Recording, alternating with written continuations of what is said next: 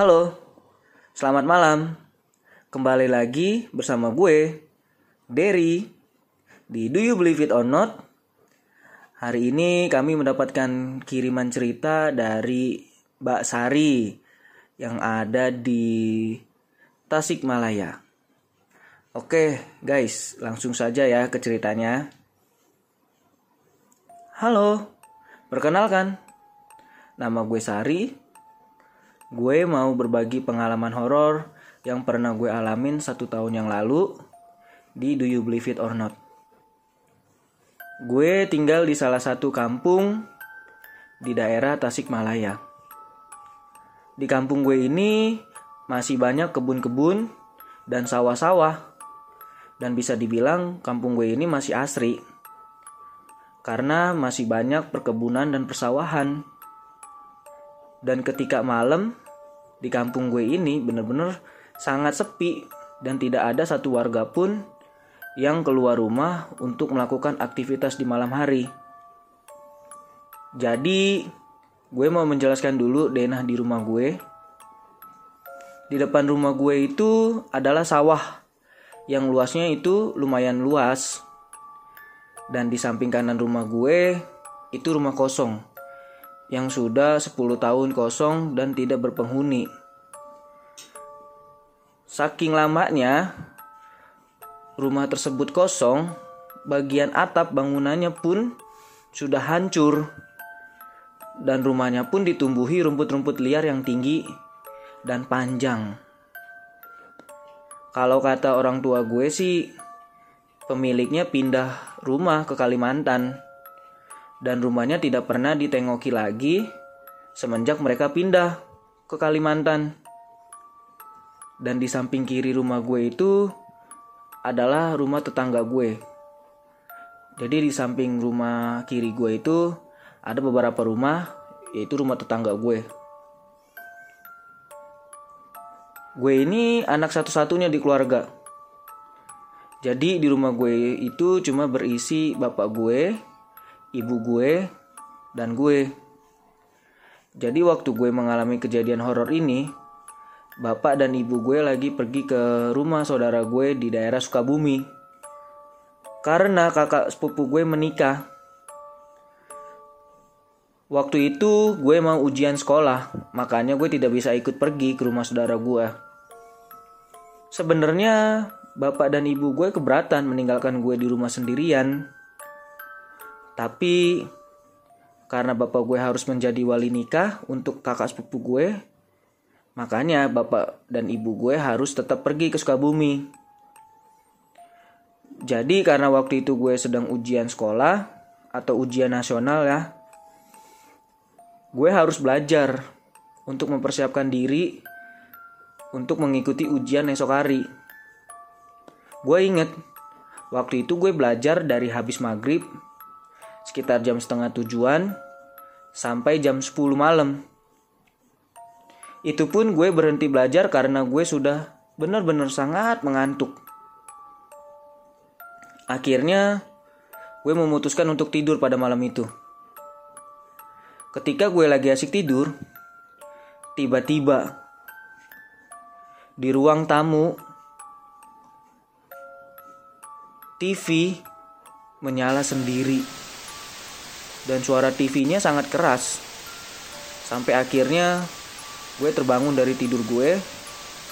Dan yang paling aneh adalah dari sore gue tidak pernah menyalakan TV gue nggak pernah nonton TV karena gue lebih memilih untuk belajar daripada untuk menonton TV karena suara TV-nya sangat keras dan berisik akhirnya gue bangun dari tempat tidur dan menuju ruang tamu untuk mematikan TV yang menyala tersebut Ketika gue sampai ruang tamu, gue langsung ambil remote TV kan. Lalu gue mengecilkan suara volume TV-nya terlebih dahulu. Setelah itu baru gue matikan TV-nya. Ya awalnya gue nggak kepikiran kalau bakal kejadian seperti ini.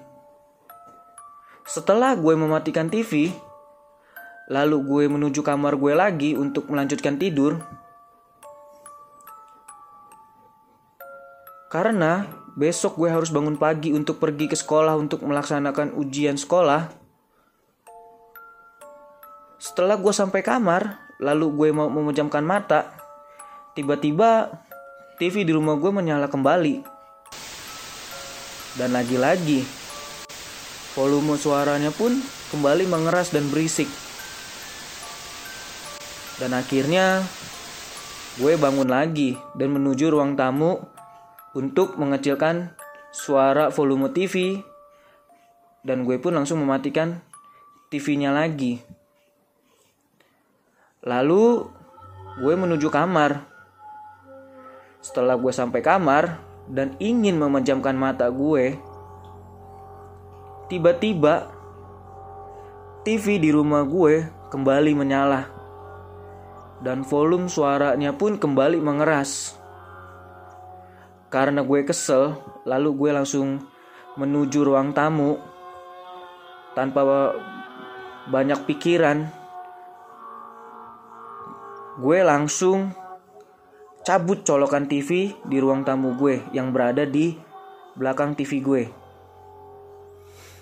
Lalu gue kembali ke kamar dan melanjutkan tidur gue. Ketika gue sampai di kamar, gue langsung memejamkan mata dan alhamdulillah gue tertidur. Tiba-tiba sekitar jam 2 pagi, lagi-lagi gue kebangun. Karena TV di rumah gue kembali menyala. Dan volume suaranya pun sangat keras dan berisik sekali. Bahkan suara volume TV gue itu lebih keras daripada volume TV gue yang sebelumnya. Karena gue pada saat itu belum terlalu sadar, karena mungkin gue capek bolak-balik ke ruang tamu hanya untuk mematikan TV. Dan ditambah lagi gue habis belajar pada malam itu. Jadi posisinya malam itu kayak setengah sadar lah gue. Dan bisa dibilang ya gue juga belum ngumpul. Akhirnya gue langsung menuju ruang tamu untuk mematikan TV. Setelah sampai di ruang tamu, gue langsung mengambil remote untuk mengecilkan suara TV, lalu mematikannya. Ketika gue mengambil remote, remote TV, gue tidak berfungsi sama sekali. Jadi kayak remote kehabisan baterai. Karena volumenya sangat berisik dan gue takut mengganggu tidur tetangga gue, gue langsung refleks lah untuk cabut colokan TV-nya dari sakalar listriknya ketika gue mau mencabut colokan listrik TV gue, gue langsung kaget dan sadar bahwa TV di rumah gue sebelumnya colokannya sudah gue cabut. Dan gue langsung pun lari ke dalam kamar. Tanpa gue mikirin posisi TV, masih keadaan menyala, gue langsung tutup pintu kamar gue dan tiduran nutup semua badan dan muka gue pakai selimut. Gak lama gue nutupin badan dan muka gue dengan selimut.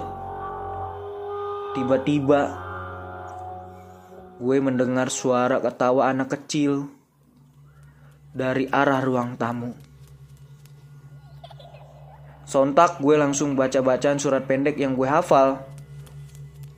Tiba-tiba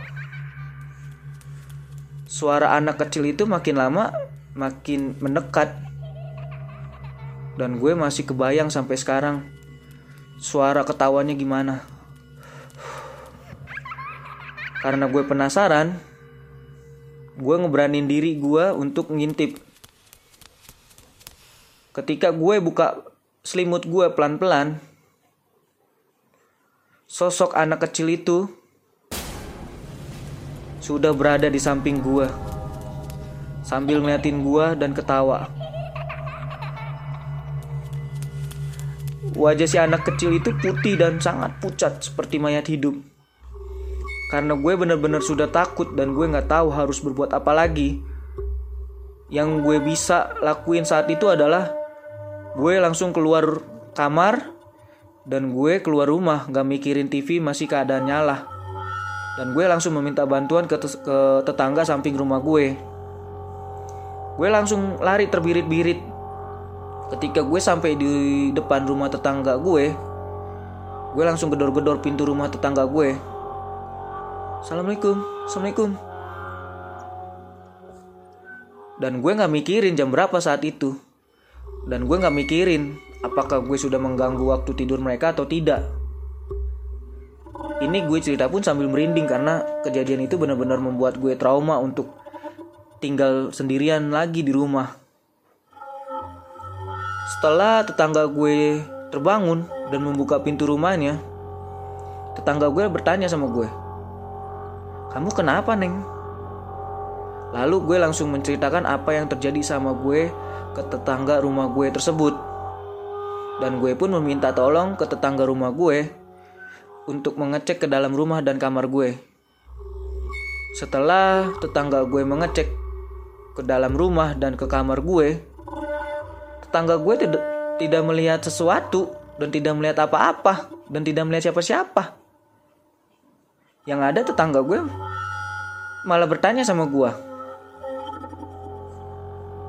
apakah pintu rumah kamu nggak kunci?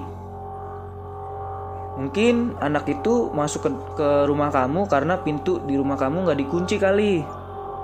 Gue langsung menjawab, pintu rumah saya sudah saya kunci dan sudah saya tutup serapat mungkin.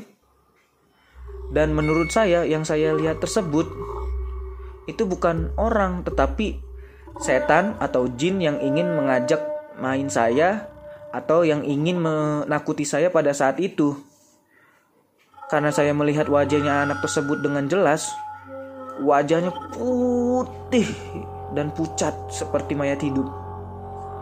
Lalu tetangga gue pun mencoba untuk menenangkan gue dan beliau pun langsung menyuruh gue tidur dan menginap di rumahnya pada malam itu. Karena gue sudah capek dan ditambah besok pagi gue harus melaksanakan ujian sekolah tanpa pikir panjang gue pun langsung mengiyakan dan gue langsung diantar menuju ke kamar anaknya. Dan tetangga gue pun menuju rumah gue lagi untuk mengunci pintu rumah gue. Setelah kejadian itu sampai pagi, gue tidak bisa tidur lagi. Karena gue membayangkan apa yang telah terjadi tadi. Karena kejadian itu gue sampai terngantuk-ngantuk. Ketika gue lagi mengerjakan soal ujian pun di sekolah gue nggak fokus. Dan akhirnya gue mengerjakan ya semampu gue dan sebisa gue pada saat itu. Gue berharap kejadian seperti itu tidak akan terjadi lagi sama gue karena gue sangat takut dan trauma sampai saat ini sumpah gue cerita ini pun sambil merinding padahal kejadian itu sudah terjadi satu tahun yang lalu Terima kasih buat kalian yang sudah mau mendengarkan cerita gue. Terima kasih juga buat Do You Believe It or Not. Bye bye.